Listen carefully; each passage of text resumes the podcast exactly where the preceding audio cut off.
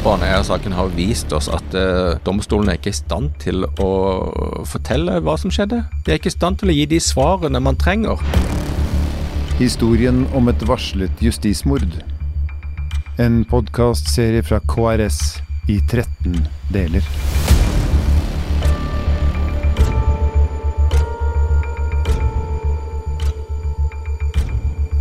Del 10. Fredag 24. mars så gikk eh, Riksadvokaten inn for å be Gjenopptakelseskommisjonen om å åpne straffesaken mot Jan Helge Andersen. Fordi nå som Viggo Kristiansen er frikjent, så er det ingen som er dømt for drapet på Lena Sløgdal Paulsen. Så vi står sånn rent juridisk teknisk med et, et uoppklart drap, egentlig. Et uetterforsket drap? Et uoppklart drap.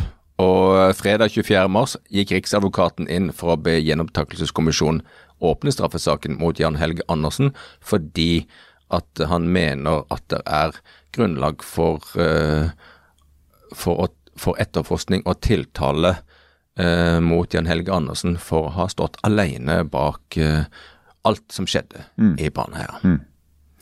Og det krever det, sånn Rent teknisk sett, krever det da en helt ny etterforskning? En helt ny sak, på en måte? Ja, dette er jo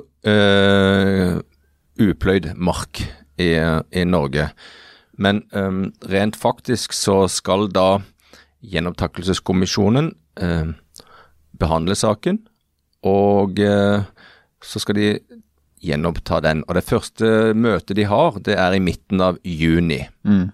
Og i midten av juni så hvis ting er klart da, så kan de på en måte lage et vedtak hvor de gjenopptar saken. Men uh, de vedtakene pleier å være på flere hundre sider, og det er mye saksbehandling som skal foregå, så det kan være at de jobber på høygir nå, mm. og at den kommer allerede i juni, eller så kommer den ikke før til høsten. Og bare for å klare opp det, det er altså gjenopptakelsessaken mot Jan Helge Andersen. Jan Helge Andersen ble jo dømt for, uh, til 19 års fengsel mm. uh, for uh, voldtekt medvirkning til voldtekt på, på, begge jentene og drapet på Stine Sofie Sørstrønden. Men han eh, ble frikjent for eh, eh, drapet på Lena Sløgedal Paulsen, selv om statsadvokaten ville ha han dømt for medvirkning også på det. Men han ble frikjent for det. Så nå, når da Gjenopptakelseskommisjonen åpner saken, så går den tilbake til statsadvokaten i, i Oslo. Mm. Så vil de etterforske den. Mye av den etterforskningen er jo allerede gjort.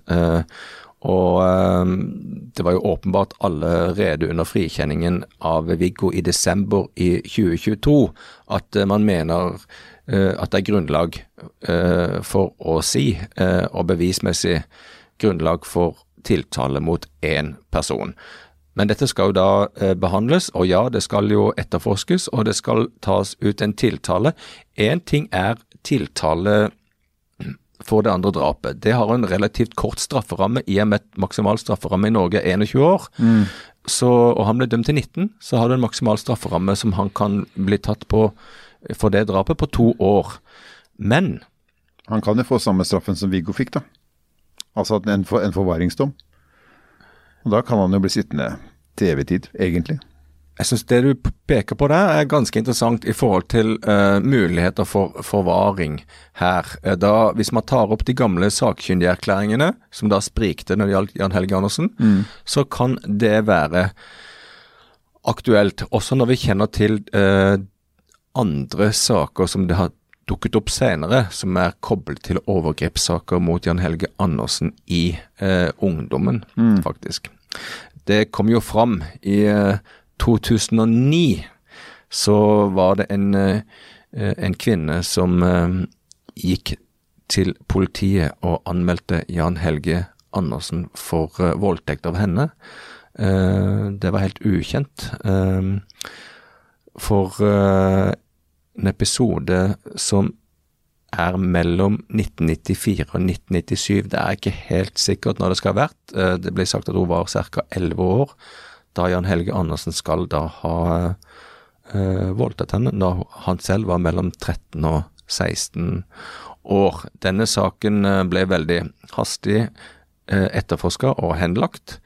Eh, mens i 2013 så fikk hun faktisk 200 000 maksimalt i voldsoffererstatning fordi at man mente at det var overbevisende forklaring om hva hun hadde blitt utsatt for. Fordi at erstatningssaker har et mye lavere krav på seg til ja, Det kjenner vi til fra Tenk-saken også. Ja, og, og, og jeg syns man skal eh, være forsiktig med hvordan man omtaler dette forholdet, for det har aldri blitt prøvd for retten. Mm. Og politiet henla saken ganske raskt. De avhørte heller ikke foreldrene til denne jenta, som da kom og anmeldte dette da som voksen kvinne. Mm. Så så hva som egentlig har skjedd, det vil jeg være forsiktig med å si. Men at det kan spille inn i en mulig påstand om forvaring, det, det, det kan være interessant. Det vet jeg ikke nok om. Det som jeg derimot syns er interessant å trekke fram, Uh, som uh, flere, særlig uh, reporterne i Aftenposten igjen, ikke fikk med seg, eh, er jo at eh, det vil være veldig naturlig å tenke seg at man vil få en anklage om falsk anklage fra mm. Jan Helge Andersen mot Viggo. Ja. Eh, det som gjelder Baneheia-saken den gang, det vil være antageligvis forelda, men han har jo i nye avhør um, forklart seg på nytt og detaljert om hva Viggo skulle ha gjort. Ja, fordi han har vært ganske tydelig på at Viggo har vært med her. Ja. Han har jo snakket Viggo godt inn i saken. ja, og det har han fortsatt å gjøre. Og, eh, og du har eh, en uriktig anklage eh, har en strafferamme på ca. tre år, men en grov falsk anklage har en strafferamme på hele ti år.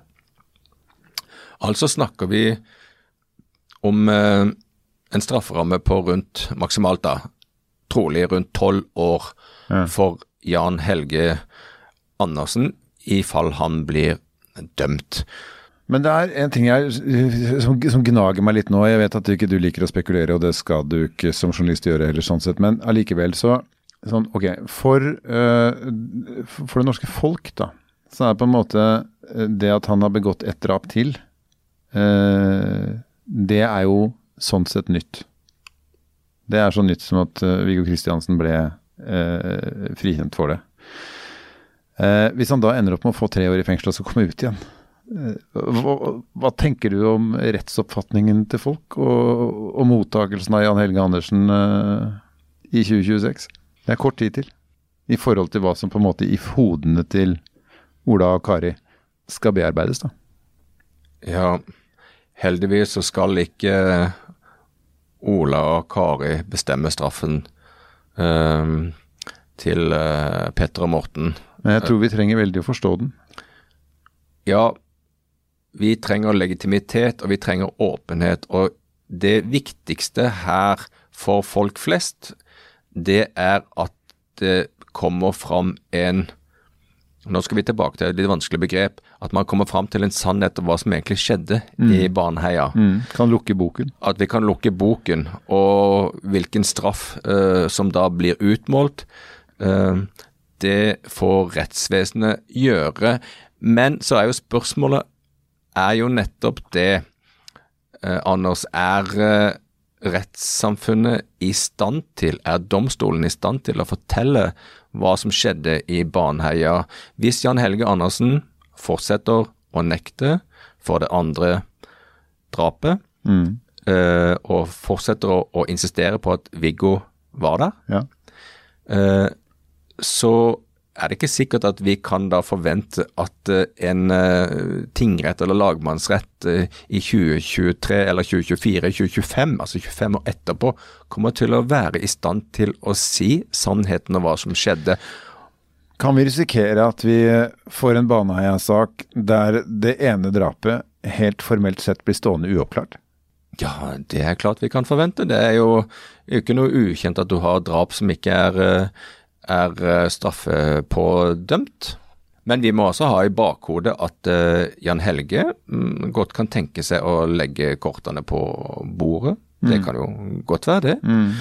Når uh, Viggo er ute av soga så ettertrykkelig, så vil det bli veldig rart. La oss nå si at La oss nå se det som en mulighet at uh, Jan Helge Andersen blir tiltalt og skal forklare seg om sin rolle. Mm.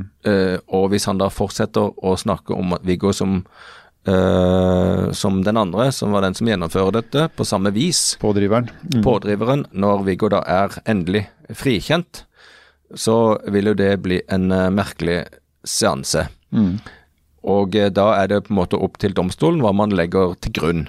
Og det er, det er antakelig så kan man si at retten vil legge til grunn da påtalemyndighetens versjon om at han var alene. Da får du altså en skyld eh, igjen en skyldpådømmelse av en mann som nekter for å ha gjort noe, mens man legger en annens historie mm. til grunn. Mm. Og da får du en dom uten en sannhet igjen, for å komme tilbake til det utgangspunktet. Jeg bare jeg problematiserer det litt fordi at det, altså, Vi har jo snakket en del om rettsvesen og rettsvesenets rolle, legitimitet og posisjon og måte å fungere på, og som, som også skal ivaretas. Um, slik at uh, Min påstand da blir at rettsvesenet er på en måte ikke helt, stå, står ikke helt fritt her i forhold til å på en måte måtte tenke gjennom hva man forteller uh, gjennom å gjøre det man gjør på den måten man gjør det. Baneeiersaken har vist oss at eh, domstolen er ikke i stand til å fortelle hva som skjedde. De er ikke i stand til å gi de svarene man trenger. Man har brukt de svarene de har gitt til å lage en sannhet om at Viggo var et monster som gjorde dette her. Og igjen, nå, hvis Jan Helge blir eh, dømt for å ha gjort dette alene, ja, så har man fortsatt ikke fortalt hvordan, hvordan, det skjedde. Man har ikke gitt den fortellinga som folk trenger. Altså, Rettssamfunnet er ikke i stand til å fortelle sannheten om hva som skjedde. Dette, dette er et stort problem, og det har Baneheia-saken illustrert veldig, veldig godt. Og eh, vi får jo håpe, i den grad Jan Helge Andersen gjorde dette alene, at han da forteller det. For å kunne gi folk svar. Ellers må vi jo leve med at vi ikke får svar, og da må også folk forstå forskjellen mellom det å bli kjent skyldig ikke er det samme som at man får historien om hvordan drap foregikk. Det er eh, Jan Helge Andersens uh, mulige videre forløp. Men vi har jo en annen sak. Vi har en Viggo Kristiansen som uh, vi er så sikre på kommer til å få en klekkelig erstatning av den norske stat at han allerede har fått et forskudd. Uh, hvordan ser den saken ut fremover? Ja, ved siden av det straffesaksløpet som går mot Jan Helge Andersen, så har jo da eh, Viggo Kristiansen eh, eh, krevd erstatning for eh, et tapt liv og det har. Jo, det har han jo hatt også. Og det har han.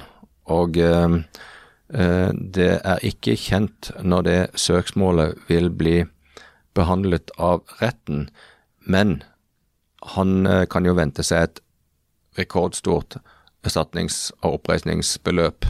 Det er antydet rundt 30 millioner. Og eh, Noe som i norsk rett er veldig mye? Ja, det er ikke sikkert at det er veldig mye i forhold til det tapet han har lidd. Eh, kanskje heller ikke i forhold til andre saker, men isolert sett som beløp så vil det være rekordstort og rekordhøyt. Og han vil nok fortjene hver øre det vil aldri gjøre opp for den uretten som samfunnet har gjort mot Viggo Kristiansen, men det vil være verktøy som gir han mulighet til å kunne fortsette i livet sitt på en ok måte. Ikke minst så har jo da penger den funksjonen at det bidrar til folks oppfatning av uretten. Ja. Så det har en helt klart eh, dobbel eh, funksjon. Mm. Det, blir, det, det, blir, på en måte eh, merkelappen på at dette er riktig? Ja, spør du meg, så er den frikjennelsen vi fikk, den er bare en del av frikjennelsen. Altså, eh, misforstå meg rett, eh, han er frikjent, men som vi har snakket om, så er det å være frikjent, det betyr ikke at retten har sagt at han ikke var der. Men når han da får 30 millioner, og eventuelt hans kamerat Jan Helge Andersen blir dømt istedenfor, så har du dette som et eh, kinderegg som uh, gjør at uh, Viggo Kristiansen da vil fremstå i løpet av ca. tre års tid som faktisk og helt uskyldig og vil kunne gå videre i livet sitt. Og vil være det vi, der vi bruker ordet renvasket. For det kan man ikke være nødvendigvis bli å være ikke skyldig.